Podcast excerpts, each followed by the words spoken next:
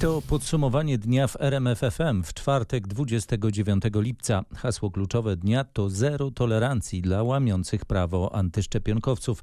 Grzegorz Jasiński, zapraszam. Ministerstwo Zdrowia informuje dziś o 169 nowych przypadkach zakażeń koronawirusem. Na COVID-19 zmarło kolejnych 5 osób. Policja zapowiada stanowcze działania wobec przeciwników programu szczepień, którzy będą łamać prawo. To reakcja na niedzielne wydarzenia z Grodziska Mazowieckiego, gdy antyszczepionkowcy próbowali wedrzeć się do punktu szczepień, szarpali się z ochroną i policją. Agresja ze strony osób w ten sposób prezentujących swoje poglądy spotka się z błyskawiczną odpowiedzią funkcjonariuszy, zapowiada Mariusz Ciarka z Komendy Głównej. Działania policjantów mają być bardzo stanowcze, dodał. Zero tolerancji dla jakiegokolwiek łamania prawa i tutaj zapowiadamy bardzo zdecydowaną reakcję policjantów, jeżeli dojdzie do sytuacji podobnych takich jak w Grodzisku Mazowieckim. Osoby biorące udział w takich demonstracjach muszą się liczyć z zarzutami naruszenia nietykalności i znieważenia funkcjonariuszy i innych osób, a także naruszenia miru domowego. Jeśli dojdzie do łamania prawa, będą zatrzymywane i przewożone do jednostek policji. Informuje Krzysztof Zasada. Pod koniec przyszłego tygodnia do Sejmu ma trafić projekt ustawy, który umożliwi pracodawcom sprawdzenie, czy pracownicy zaszczepili się przeciw koronawirusowi dowiedział się nieoficjalnie reporter RMFFM. Autorzy chcą, by pracodawca mógł nie tylko zweryfikować szczepienie pracownika, ale także oddelegować go do innych obowiązków, jeśli podwładny szczepienia nie wykonał. Ma to dotyczyć stanowisk, w których niezbędny jest kontakt ze współpracownikami albo na przykład klientami. Przepisy mają trafić do Sejmu przed 11 sierpnia, a PiS chce, by zostały przegłosowane jeszcze w wakacje. Ma to być jeden z pomysłów na przyspieszenie programu szczepień, który na tygodniu tygodnie przed czwartą falą spowalnia z każdym dniem. Informuje nasz reporter Roch Kowalski. Nikogo nie zmuszamy do kupienia biletu, tym bardziej do pokazywania certyfikatu covidowego. Tak mówi menadżerka wrocławskiego klubu Zaklęte Rewiry.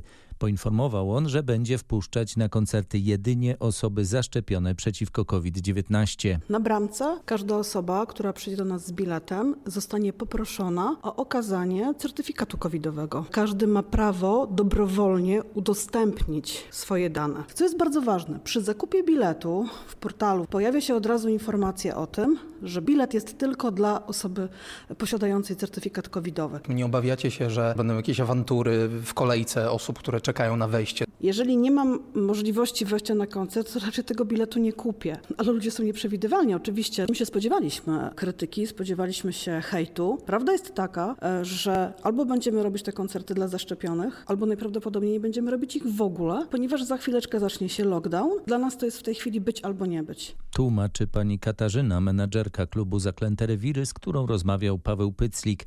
Pierwszy koncert, na który wstęp będą miały tylko osoby zaszczepione, ma odbyć się 4 września. Na pracę nad nowym systemem podatkowym posłowie będą mieli jeszcze mniej czasu niż planowano wczoraj. Po zwróceniu uwagi, że wyznaczony na konsultację Polskiego Ładu termin łamie prawo, rząd przedłużył go wczoraj z dwóch do pięciu tygodni.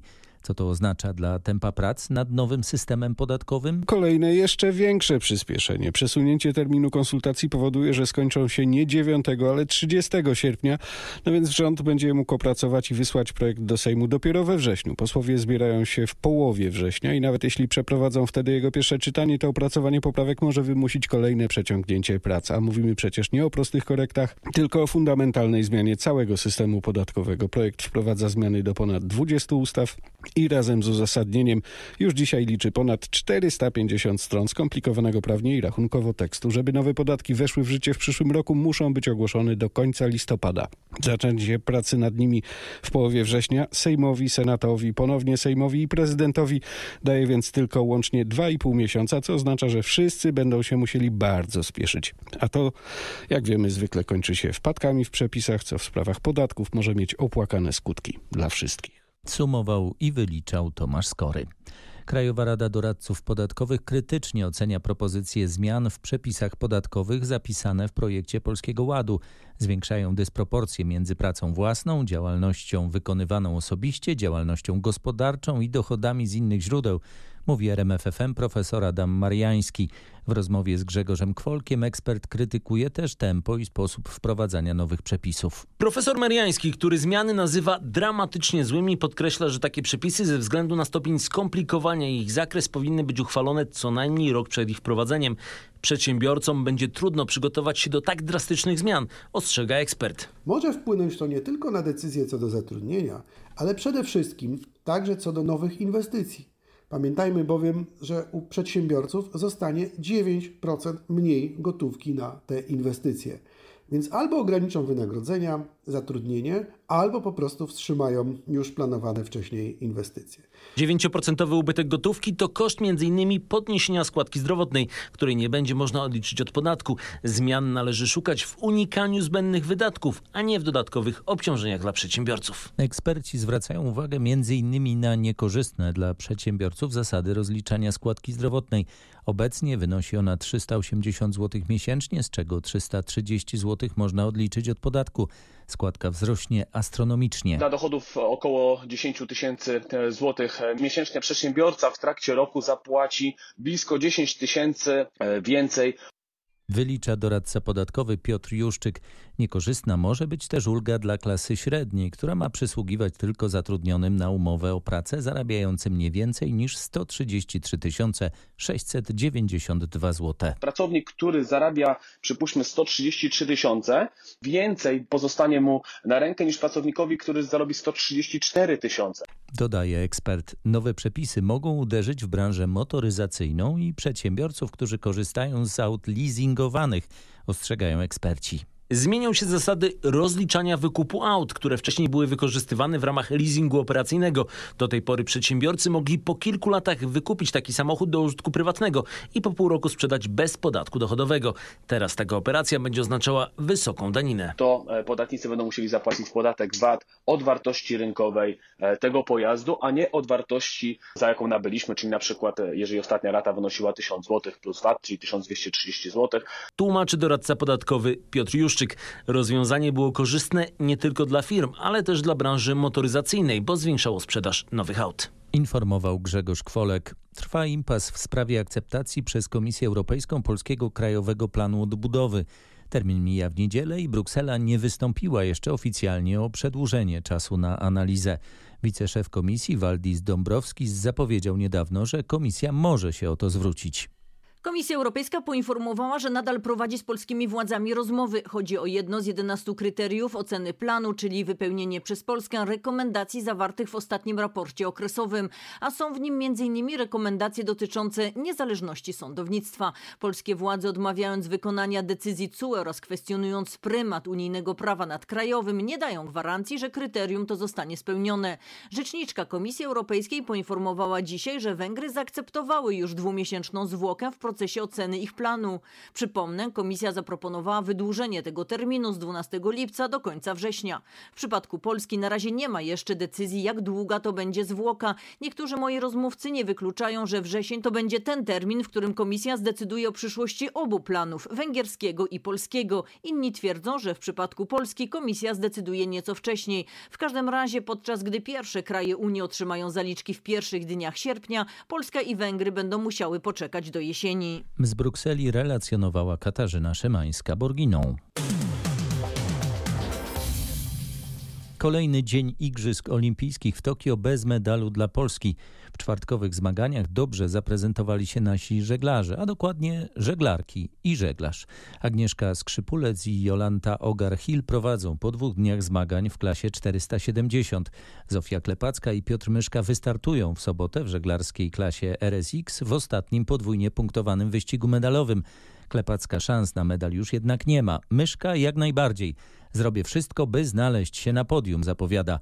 40-letni Polak jest czwarty i do drugiego Francuza traci pięć, a do trzeciego Włocha trzy punkty. Złoty medal praktycznie zapewnił sobie aktualny mistrz świata i Europy Holender Kiran Bedlow. Nie zdobędziemy medalu w tenisie. Iga Świątek i Łukasz Kubot przegrali z reprezentantami rosyjskiego Komitetu Olimpijskiego Jeleną Wiesniną i Asłanem Karacewem 4-6-4-6 w ćwierćfinale mixta. Mecz oglądał nasz specjalny wysłannik na Igrzyska Patryk Serwański, co ostatecznie zdecydowało o takim wyniku. Myślę, że zaważyło kilka kwestii. Przede wszystkim te tenisowe argumenty były po stronie rosyjskiego e, mixta. Wiesnina bardzo dobrze returnowała. Widać, że ma duże doświadczenie w tej e, dwuosobowej odmianie tenisa. Karacew z kolei skuteczny w serwisie. W naszym zespole Łukasz Kubot dzisiaj ten pierwszy serwis no niezbyt dobry. Mało punktów po nim zdobywaliśmy. Iga Świątek z kolei popełniła kilka tych niewymuszonych błędów. No i to wszystko złożyło się na tą różnicę, którą widzieliśmy w końcowym wyniku tego pojedynku. Zatem nasz miks odpada w ćwierćfinale olimpijskiej rywalizacji. Tokio, Patryk Serwański. Jeszcze nigdy w historii Igrzysk Olimpijskich Polska nie miała swego reprezentanta w golfie. No teraz. Wrocławianin Adrian Merong rozpoczął dziś w Tokio rywalizację w czterodniowym turnieju olimpijskim. Na razie jest sklasyfikowany na 48 miejscu. Bardzo dobrze zaczął, bo po dziewięciu dołkach był minus dwa. To było, dawało wtedy miejsce gdzieś koło 12-15 miejsca. Później miał jeden dołek tak zepsuty i wynik mu się trochę posypał. Ale nie ma tragedii, gra się dalej. Często bywało tak, że właśnie pierwszego czy drugiego dnia gorzej on zagrał, a później pokazał swoją moc. Jesteśmy dumni jako rodzice i sam fakt, że już jest udział na olimpiadzie to jest wielka sprawa nadstawienie jego było na pewno przywieźć jak najlepsze miejsce. Ja byłbym zadowolony z 15, z 20. To już wielki sukces, bo jest tam wielu zawodników, którzy są dużo dalej w rankingu. Powiedział nam Andrzej Meronk, ojciec olimpijczyka, również golfista. Golf wrócił do programu Igrzysk w 2016 roku w Rio de Janeiro po 114 latach przerwy. Najbliższej nocy olimpijskie zmagania rozpoczną lekkoatleci. Czy są gotowi do walki? Jakie nastroje towarzyszą ostatnim szlifom? Sprawdzał to w Tokio nasz wysłannik Patryk Serwański. Te nastroje bardzo dobre, bo w końcu zbliża się ta długo wyczekiwana olimpijska rywalizacja. Rozmawiałem na ten temat z naszym kulomiotem Konradem Bukowieckim. W jego przypadku e, trwa jeszcze zgrupowanie aklimatyzacyjne. Jesteśmy w Zaobodajże. To jest miejscowość oddalona gdzieś około 350 km od Tokio. Tutaj przebiega nasza aklimatyzacja. Część naszej ekipy już pojechała do Tokio. Są już w wiosce. E, z tego, co, z tego, co z nimi rozmawiałem, jest, jest całkiem ok. Podróż do wioski olimpijskiej to 6-godzinna jazda autokarem. Bukowiecki jutro przenosi się do Tokio. W wiosce olimpijskiej jest już część naszych lekkoatletów, którzy wystartują w nocy z czwartku na piątek, patrząc oczywiście z polskiej perspektywy. To m.in. dyskobol Piotr Małachowski czy Joanna Jóźwik, która powalczy w biegu na 800 metrów. W obu tych konkurencjach to będą oczywiście eliminacje. Brązowy medalista z Rio de Janeiro chce powalczyć w Tokio o kolejny medal. Specjalizujący się w rzucie młotem Wojciech Nowicki planuje nie ustępować na krok Pawłowi Fajtkowi, który jest kandydatem do olimpijskiego złota. Nowicki przyznaje, że jako zawodnik rozwinął się przez 5 lat od ostatnich igrzysk w Brazylii. Też jestem 5 e, lat starszym zawodnikiem, bardziej doświadczonym. W międzyczasie było kilka imprez też rangi międzynarodowej. Zebrałem doświadczenie, jeszcze nauczyłem się kilku rzeczy, poprawiłem technikę, zbudowałem lepszą siłę, więc myślę, że, że w tym momencie mogę powiedzieć, że jestem lepszym zawodnikiem pod każdym względem, bo wiadomo, na to doświadczenie gdzieś tam, które zbierałem przez te lata, gdzieś tam mam nadzieję też, że zaowocuje właśnie na tych igrzyskach w Tokio. Eliminację konkursu rzutu młotem zaplanowano na 2 sierpnia, a finał odbędzie się dwa dni później. Najwyższa Izba Kontroli prześwietli dodruk pieniądza przez Narodowy Bank Polski, ustalili dziennikarze RMFFM. Kontrolerzy mają sprawdzić, czy bank rzetelnie i przede wszystkim zgodnie z przepisami przekazywał rządowi pieniądze. Dlaczego nikt się tym interesuje? Dlatego, że operacja skupu obligacji Skarbu Państwa była i jest wyjątkowa. Drukowanie pieniędzy przez bank centralny tylko po to, żeby dać je rządowi jest działaniem bardzo niebezpiecznym. Najwyższa Izba Kontroli sprawdzi, czy nie naruszono tutaj zasad bezpieczeństwa, no i jakie będą tego skutki finansowe. Już przecież widzimy, że polityka drukowania i pompowania pieniędzy, nie tylko zresztą w Polsce, doprowadza do wzrostu inflacji, czyli do wzrostu cen w sklepach. Ta kontrola NIK w NBP może mieć także wymiar polityczny, jeżeli jeżeli kontrolowana przez Mariana Banasia Izba dopatrzy się nieprawidłowości u Adama Glapińskiego, czyli u polityka z jądra Zjednoczonej Prawicy, to może być to kolejną odsłoną konfliktu Banaś-PiS. Relacjonuje nasz reporter Krzysztof Barenda. Poważnie się zawaham, czy zagłosować razem z PiSem za odebraniem Marianowi Banasiowi immunitetu. Dobrze wykonuje swoją misję i nie powinniśmy brać udziału w porachunkach PiSu z Banasiem. Tak mówi gość rozmowy w samopołudnie w RMFFM, posłanka Koalicji Obywatelskiej i liderka Inicjatywy Polskiej, Barbara Nowacka dodaje, że opozycja powinna się raczej wstrzymać od głosu. Mówiliśmy, że Marian Banaś nie powinien zostawać szefem NIK-u. I wtedy mówiliście, Marian Tak. Banaś nie powinien być prezesem NIK-u, a kiedy dzisiaj jest wniosek o uchylenie mu immunitetu, będziecie stawać w jego obronie? Nie będziemy stawać w jego obronie, natomiast będziemy stawać w obronie niezależnej instytucji. Oczywiście też jesteśmy przed tą decyzją, ale nie wyobrażam sobie, żeby PiS mógł e, jakoś szczególnie liczyć na to, że weźmiemy udział w ich porachuneczkach e, wewnętrznych, po to tylko, żeby troszeczkę utrącić e, Mariana Banasia, który jest jedynym w tym momencie reprezentantem niezależnego urzędu, który ma jeszcze jakąś władzę. Marian Banaś e, na usługach PiSu to zły Marian Banaś, Marian Banaś My żeśmy- piętnujący Nie, nie, nie, nie. rządy PiSu to bardzo dobry Nie, nie, nie. Marian Banaś. Marian Banaś to nie jest nasz Marian Banaś, to jest ich Marian Banaś, to jest ich problem. Ale nie jeśli przyłożymy- wyciąga dokumenty i pokazuje e, w złym świetle rządy PiSu, Nie w złym świetle. zagłosowałaby nie, panie, panie pani za To nie jest kwestia złego światła. immunitetu. My mówimy, że nie powinien był nigdy zostać prezesem NIK-u. Nie bierzemy udziału w szarpaninach pomiędzy PiSem a Marianem Banasiem. I bez względu na to, co ja sądzę o Marianie Banasiu, wykonuje pracę, którą powinna, powinien wykonywać prezes NIK. Wykonuje ją dobrze. Donald Tusk działa na elektorat Platformy, to widać. Z nim plan odsunięcia PiS od władzy jest do zrealizowania, mówi Nowacka. Przyznaje jednak, że odsunięcie Cezarego Tomczyka od kierowania klubem Koalicji Obywatelskiej w Sejmie nie było potrzebne. Cezary Tomczyk był bardzo dobrym szefem To klubu. wszyscy mówią Ale nie, nie, naprawdę nie był. mówią wprost, że to było niesprawiedliwe. E, ale naprawdę był dobrym szefem klubu i byliśmy zadowoleni wszyscy, i koalicjanci, i jako, i jako posłanki, posłowie. To czemu musiał Chociaż ustąpić miejsca? Wynikła ze zobowiązań Donalda Tuska. Mogę powiedzieć tylko, że żałuję, że tak się stało, ale mam nadzieję, że Borys Budka będzie równie dobrym szefem klubu, jakim był Czarek Tomczyk. Czyli pani zdaniem ta zamiana była niepotrzebna? E, Moim zdaniem lepiej było, e, dobrze nam było z Cezarym Tomczykiem. Zobaczymy, jak nam będzie z Borysem Budką. Ma też nabył doświadczenia. Mam nadzieję, że ten, to szefowanie w Platformie też, też go utwardzi w tym, jakim będzie szefem klubu. A nie ale to obawia się pani tego, praca. że Donald Tusk zacznie teraz y, czyszczenie przedpola? Myślę też, że Tusk wrócił z tej e, Unii Europejskiej z refleksją taką, że trochę się w Polsce zmieniło i musi się zbudować również na tym młodszym pokoleniu. I to w tych rozmowach jasno pada. Prokuratura będzie musiała wszcząć na nowo śledztwo w sprawie użycia gazu przeciwko posłance Barbarze Nowackiej podczas ubiegłorocznych protestów kobiet.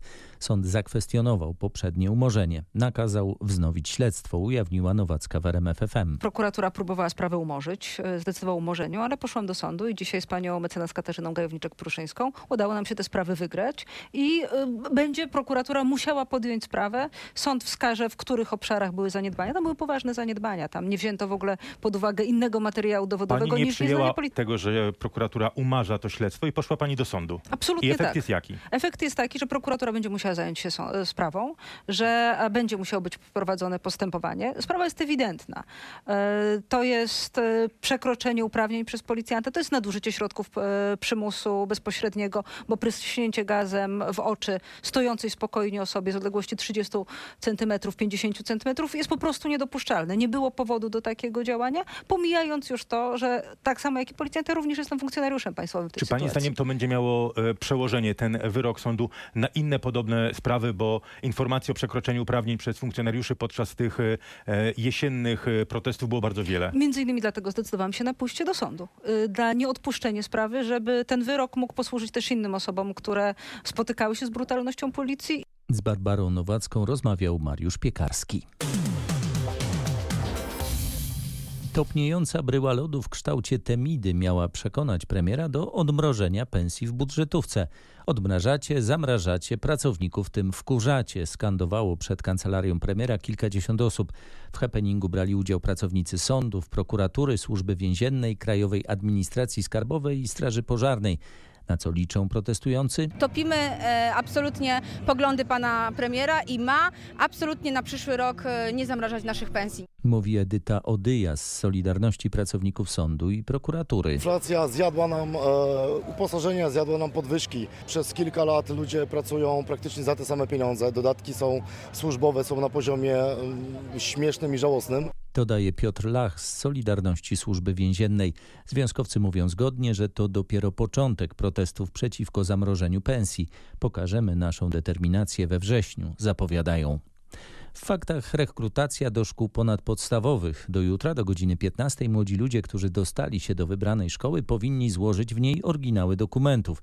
Jeśli tego nie zrobią, ich miejsce zwolni się dla innych. Chęć nauki we wrocławskich szkołach zadeklarowało w pierwszej turze naboru ponad 7,5 tysiąca uczniów. Mamy jeszcze ponad 400 wolnych miejsc. Mamy jednocześnie grupę ponad 800 uczniów, którzy nie dostali się do swoich wymarzonych szkół. Teraz do 30 lipca uczniowie będą potwierdzali chęć nauki w szkołach, do których się dostali. Każdego roku z tej możliwości rezygnuje kilkaset osób. W, w ubiegłym roku było to ponad 630 uczniów. Często to uczniowie z miast w regionie, dla których aplikowanie do wrocławskich szkół jest swoistym sprawdzianem umiejętności. Finalnie wybierają jednak naukę w swoich powiatach. Mówi Arkadiusz Filipowski z Biura Prasowego Urzędu Miejskiego we Wrocławiu. Pełne wyniki pierwszego naboru poznamy 2 sierpnia, wtedy też rozpocznie się nabór uzupełniający. Największa porodówka w kraju, szpital położniczy przy ulicy Polnej w Poznaniu wprowadził właśnie program zabezpieczania płodności mieszkańców stolicy Wielkopolski. Chodzi o osoby objęte terapią onkologiczną, które po radio lub chemioterapii mogą mieć kłopoty w staraniu się o potomstwo. Finansowany ze środków samorządu program jest adresowany zarówno dla pacjentek, jak i pacjentów walczących z chorobą nowotworową. Ponieważ jest to nowum na swój sposób, Onkolodzy często jak gdyby zapominają o tym, że pacjentka czy pacjent będzie poddana czy to naświetlaniom, czy przede wszystkim chemioterapii i oczywiście koncentrują się głównie na strasznej, ale chorobie zasadniczej, zapominając, że ci pacjenci są w wieku rozrodczym i po uzyskaniu remisji, przerwy w chorobie, oni mogą wtedy pomyśleć o posiadaniu potomstwa. Takie opcje istnieją i wtedy jak najpilniej telefon do nas, wdrażamy odpowiednią procedurę procedurę medyczną. Jest to trochę bardziej złożone, jeżeli chodzi o kobiety, bo my musimy przecież wystymulować im jajniki, żeby pozyskać komórki jajowe. Tłumaczy szef Kliniki Niepłodności i Endokrynologii Rozrodu Szpitala Uniwersyteckiego przy Polnej w Poznaniu, profesor Leszek Pawelczyk. Do wieczora mogą potrwać utrudnienia na trasie kolejowej między Szczecinem a Berlinem. Dziś rano na przejeździe w Kołbaskowie-Smolęcinie pociąg uderzył w przejeżdżającą ciężarówkę. Osiem osób zostało rannych. Usunięcie wykolejonych po wypadku wagonów, jak się okazuje, to niełatwa sprawa. E, to prawda, szczególnie ze względu na to, że skład należał do niemieckiego przewoźnika. Szczegóły tej skomplikowanej technicznie operacji trzeba więc dokładnie uzgodnić z właścicielem pociągu. Po zderzeniu z ciężarówką kilka wagonów jest niemal całkowicie uszkodzonych. E, dwa pierwsze od czoła pociągu wypadły z torowiska. E, wstępnie wiadomo, że sygnalizacja przed przejazdem bez zapór działała prawidłowo, a w momencie, kiedy znalazła się na nim ciężarówka, paliło się czerwone światło. Ośmiu poszkodowanym udzielono pomocy na miejscu. Łącznie ze składu ewakuowano 39 osób, w tym maszynistę. Pociągi na trasie Szczecin-Tantow nie będą kursowały do wieczora. Dla kierowców wyznaczono objazdy przez Warzymice i Karwowo. Relacjonował na gorąco nasz reporter Mateusz Chłystun. Niebezpieczne obniżenia terenu w Tarnowskich Górach. W ostatnim czasie grunt obniżył się tam aż w trzech miejscach w centrum miasta. Jeden z budynków został poważnie uszkodzony. Na razie teren ogrodzono, a miejsce urzędnicy zlecili specjalistyczne badania gruntu. Na pewno nie możemy w tej chwili jednoznacznie powiedzieć, że to jest jakaś przyczyna właśnie eksploatacji górniczej. A wyniki badań, ekspertyz, które już przeprowadzacie, które zleciliście, kiedy będą znane? To znaczy, no, wyniki badania tego radaru będziemy mieli w przyszłym tygodniu. Y, natomiast dzisiaj, dzisiaj wybieramy i zlecamy taką dużą ekspertyzę górniczo-geologiczną, która by zakładała wiercenia. No myślę, że w sierpniu powinniśmy wiedzieć, ale, ale to raczej tak bardziej koniec sierpnia. Z wiceburmistrzem Tarnowskich Gór Piotrem Skrabaczewskim rozmawiał Marcin Buczek. W czasie wakacji na oddziały urozowe trafia zdecydowanie więcej małych pacjentów. To skutek m.in. większej liczby wypadków komunikacyjnych. W tym roku jednak zwiększyła się też liczba dzieci z infekcjami. Duża liczba pacjentów z infekcjami, o dziwo, prawdopodobnie dlatego, że troszeczkę koronawirus odstąpił, wobec tego w przyrodzie nie może być próżni. Miejsce zajęły inne wirusy, chociażby pokarmowe i tu mamy dużo infekcji e, takich biegunkowych spowodowanych właśnie tą grupą wirusów wirusów, które atakują przewód pokarmowy. Mówi Katarzyna Pisko-Żogórek, dyrektorka Wojewódzkiego Szpitala Dziecięcego w Olsztynie. Umowę na projekt i budowę najdłuższego odcinka trasy S6 w województwie pomorskim podpisała dziś Generalna Dyrekcja Dróg Krajowych i Autostrad. Chodzi o odcinek między Leśnicami w powiecie lęborskim a Bożym Polem Wielkim koło Wejherowa. To informacja, na którą długo czekali, zwłaszcza mieszkańcy Lęborka. Na pewno nie tylko oni, ale to Lęborczanie właśnie zyskać mają w pewnym sensie obwodnicę swojego miasta. Cały 22-kilometrowy odcinek ma mieć po dwa pasy ruchu w każdą stronę oraz pas awaryjny. Powstanie także kilka węzłów. Lębork Południe i Wschód oraz Łęczyce. Rozbudowany zostanie także węzeł Boże Pole Wielkie. Podróż między Wejherowem a Lęborkiem skrócić ma się o połowę. Na budowę wykonawca, firma Budimex, ma ponad 3 lata, do tego z wyłączeniem miesięcy zimowych. To oznacza, że zakończenie inwestycji powinno nastąpić w 2025 roku. Na razie będą trwały prace projektowe. Rozpoczęcia samej budowy należy spodziewać się pod koniec przyszłego roku. Dobre wiadomości przynosi Kuba Kaługa. Bieszczadzki Oddział Straży Granicznej ujawnił rekordową liczbę fałszywych dokumentów na granicy. Od początku roku było ich prawie 2,5 tysiąca. Wśród fałszywek dominują dokumenty potrzebne do pracy w Polsce, ale nie tylko. Na przykład fałszowane są często prawa jazdy, odbitki stempli kontroli granicznej, a ostatnio coraz więcej na granicy pojawia się fałszywych zaświadczeń o przyjęciu cudzoziemców do szkoły w Polsce. Wymienia rzecznik Bieszczadzkiej Straży Granicznej Elżbieta Pikor. Dodatkowe patrole policji w Gdańsku, innymi na terenie trwającego w stolicy Pomorza jarmarku Świętego Dominika. Przez niespełna tydzień od jego rozpoczęcia policjanci dostali już sześć zgłoszeń o kradzieżach dokonanych właśnie w przestrzeni jarmarku. Kto padł ofiarą złodziei? Dwukrotnie kupcy, bo kradzieży dokonano także bezpośrednio z ich stoisk. Pozostałe przypadki to już odwiedzający jarmark, którzy zostali okradzeni przez kieszonkowców. Dlatego policja apeluje o ostrożność i szczególną uwagę podczas wizyt w historycznym centrum Gdańska, zwłaszcza gdy znajdziemy się w gęstym tłumie. Tutaj mogą działać złodzieje kieszonkowi, dlatego pamiętajmy o własnym bezpieczeństwie. Jeżeli panie mają torebki, trzymajmy je blisko siebie. Mówiła Magdalena Ciska z Komendy Miejskiej Policji w Gdańsku, którą w ostatnich dniach zasiliło 30 nowych policjantów, którzy niedawno skończyli kurs. Między innymi oni, ale także doświadczeni policjanci utworzyć mają wspomniane dodatkowe patrole. Prócz gdańskiego śródmieścia będą one kierowane również w rejon pasa nadmorskiego. Przestrzega Kuba Kaługa. Katarzyna Bonda wydała właśnie nowy kryminał Klatka dla niewinnych. W szanowanej rodzinie dochodzi do brutalnej zbrodni. Wydaje się na początku, że sprawa jest oczywista, sprawca zostaje natychmiast aresztowany, przyznaje się, idzie do więzienia, natomiast kilka lat później znowu ginie kolejna osoba powiązana z tą rodziną i właściwie dopiero wtedy na jaw wychodzą tajemnice. Mówiła nam autorka książki. Pokaz pracy legendarnego kontynuatora działań Jerzego Grotowskiego, Tomasa Richardsa, premierowe Śmierć na gruszy Łukasza Kosa czy Hiperborea Jacka Hałasa. Tak interesująco zapowiada się Międzynarodowy Festiwal Teatralny Retrospektywy w Łodzi.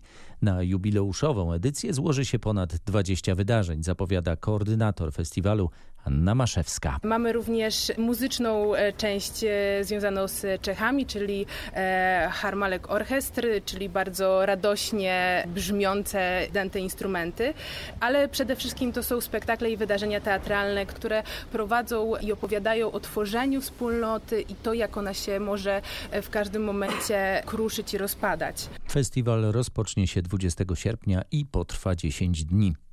Katowice mają od dziś nowy mural. Na ścianie kamienicy w Śródmieściu, stojącej tuż przy trasie kolejowej, widnieje postać Jana Furtoka, przed laty piłkarskiego reprezentanta Polski, a dla kibiców GKS-u Katowice najważniejszego piłkarza w historii klubu. Na odsłonięciu muralu pojawił się m.in. inny były piłkarz i przyjaciel Furtoka Jan Urban. Cieszę się, Janek, że mogliśmy grać razem. Lata mijają, już nie pogramy, ale jeszcze będziemy kibicować tak, razem. To piłkarz, który co zaraz strzeli gola? Tak, to jest e, nawiązanie do prawdziwego zdjęcia. Rzeczywiście jest to Oczywiście postawa w ataku. E, Jan Furtok e, zawsze w ataku grał i właśnie to strzelanie bramek było jego zadaniem. Dziś będzie tak, że wszystkie pociągi ze wschodu wjeżdżające do Katowic pierwszy zobaczą Jan Furtok, ale wtedy już pomyślą, tego hopa się nie dało zatrzymać. Na odsłonięciu muralu był Marcin Buczek. Wielka Brytania jest pod wpływem gwałtownych zmian klimatycznych, ostrzegają tamtejsi naukowcy. Na dowód przytaczają statystyczne dane. Jakie? Ubiegły rok był trzecim z najgorętszych w historii, piątym z kolei z najbardziej deszczowych i ósmym pod względem liczby słonecznych dni. Żaden inny wcześniej nie znalazł się w pierwszej dziesiątce wszystkich tych rankingów. W ciągu 30 lat Wielka Brytania stała się średnio o 1 stopień Celsjusza cieplejsza i aż o 6% częściej nawiedzały ją ulewy. Królewskie Towarzystwo Meteorologiczne ostrzega, Brytyjczycy muszą przyzwyczaić się do tych zjawisk, ponieważ nic nie wskazuje na to, że świat zwalnia. Tylko w ostatnim tygodniu Londyn nawiedziły dwie potężne ulewy. Podtopione zostały stacje metra i tunele. Woda zalała wiele posesji. Przypomina nasz londyński korespondent Bogdan Frymorgan. Na koniec przenosimy się do francuskiego Chamblay, gdzie trwa największy na świecie zlot balonów. Wśród kilkuset ekip z całego świata jest też żółto-niebieski balon RMFFM. Nie brakuje momentów wzruszenia, mówi nam Marek Michalec, pilot naszego balonu. Nie tylko dla pilotów, ale również i dla tych, którzy oglądają. Duża ilość osób przyjechała z całej Francji, nawet spoza granic, bo jest to wydarzenie E, zjeżdżają kampery, zjeżdżają osoby i oglądają. Także tak jak my w zeszłym roku zrobiliśmy przelot e, naszych polskich balonów nad Krakowem, pokazaliśmy, że pomimo COVID-u e, można e, działać, można żyć. Tak tutaj widać, że ten, e, że nastąpił przełom, że te balony wyfrunęły, popłynęły nad francuskim niebem, spowodowały, że cały świat tutaj nagle otworzył się, bo mamy pilotów, mamy załogi z całego świata, ze wszystkich kontynentów. Mamy nadzieję, że pogoda dopisze i że dziś odbędzie się zapowiadana nocna parada balonów. Załogi mają kolejno uruchamiać palniki podgrzewające powietrze, ma to stworzyć na niebie niecodzienną świetlną kompozycję. Tyle na dziś. Na kolejne podsumowanie dnia w RMF FM zapraszam jutro wieczorem. Grzegorz Jasiński, dziękuję, dobranoc.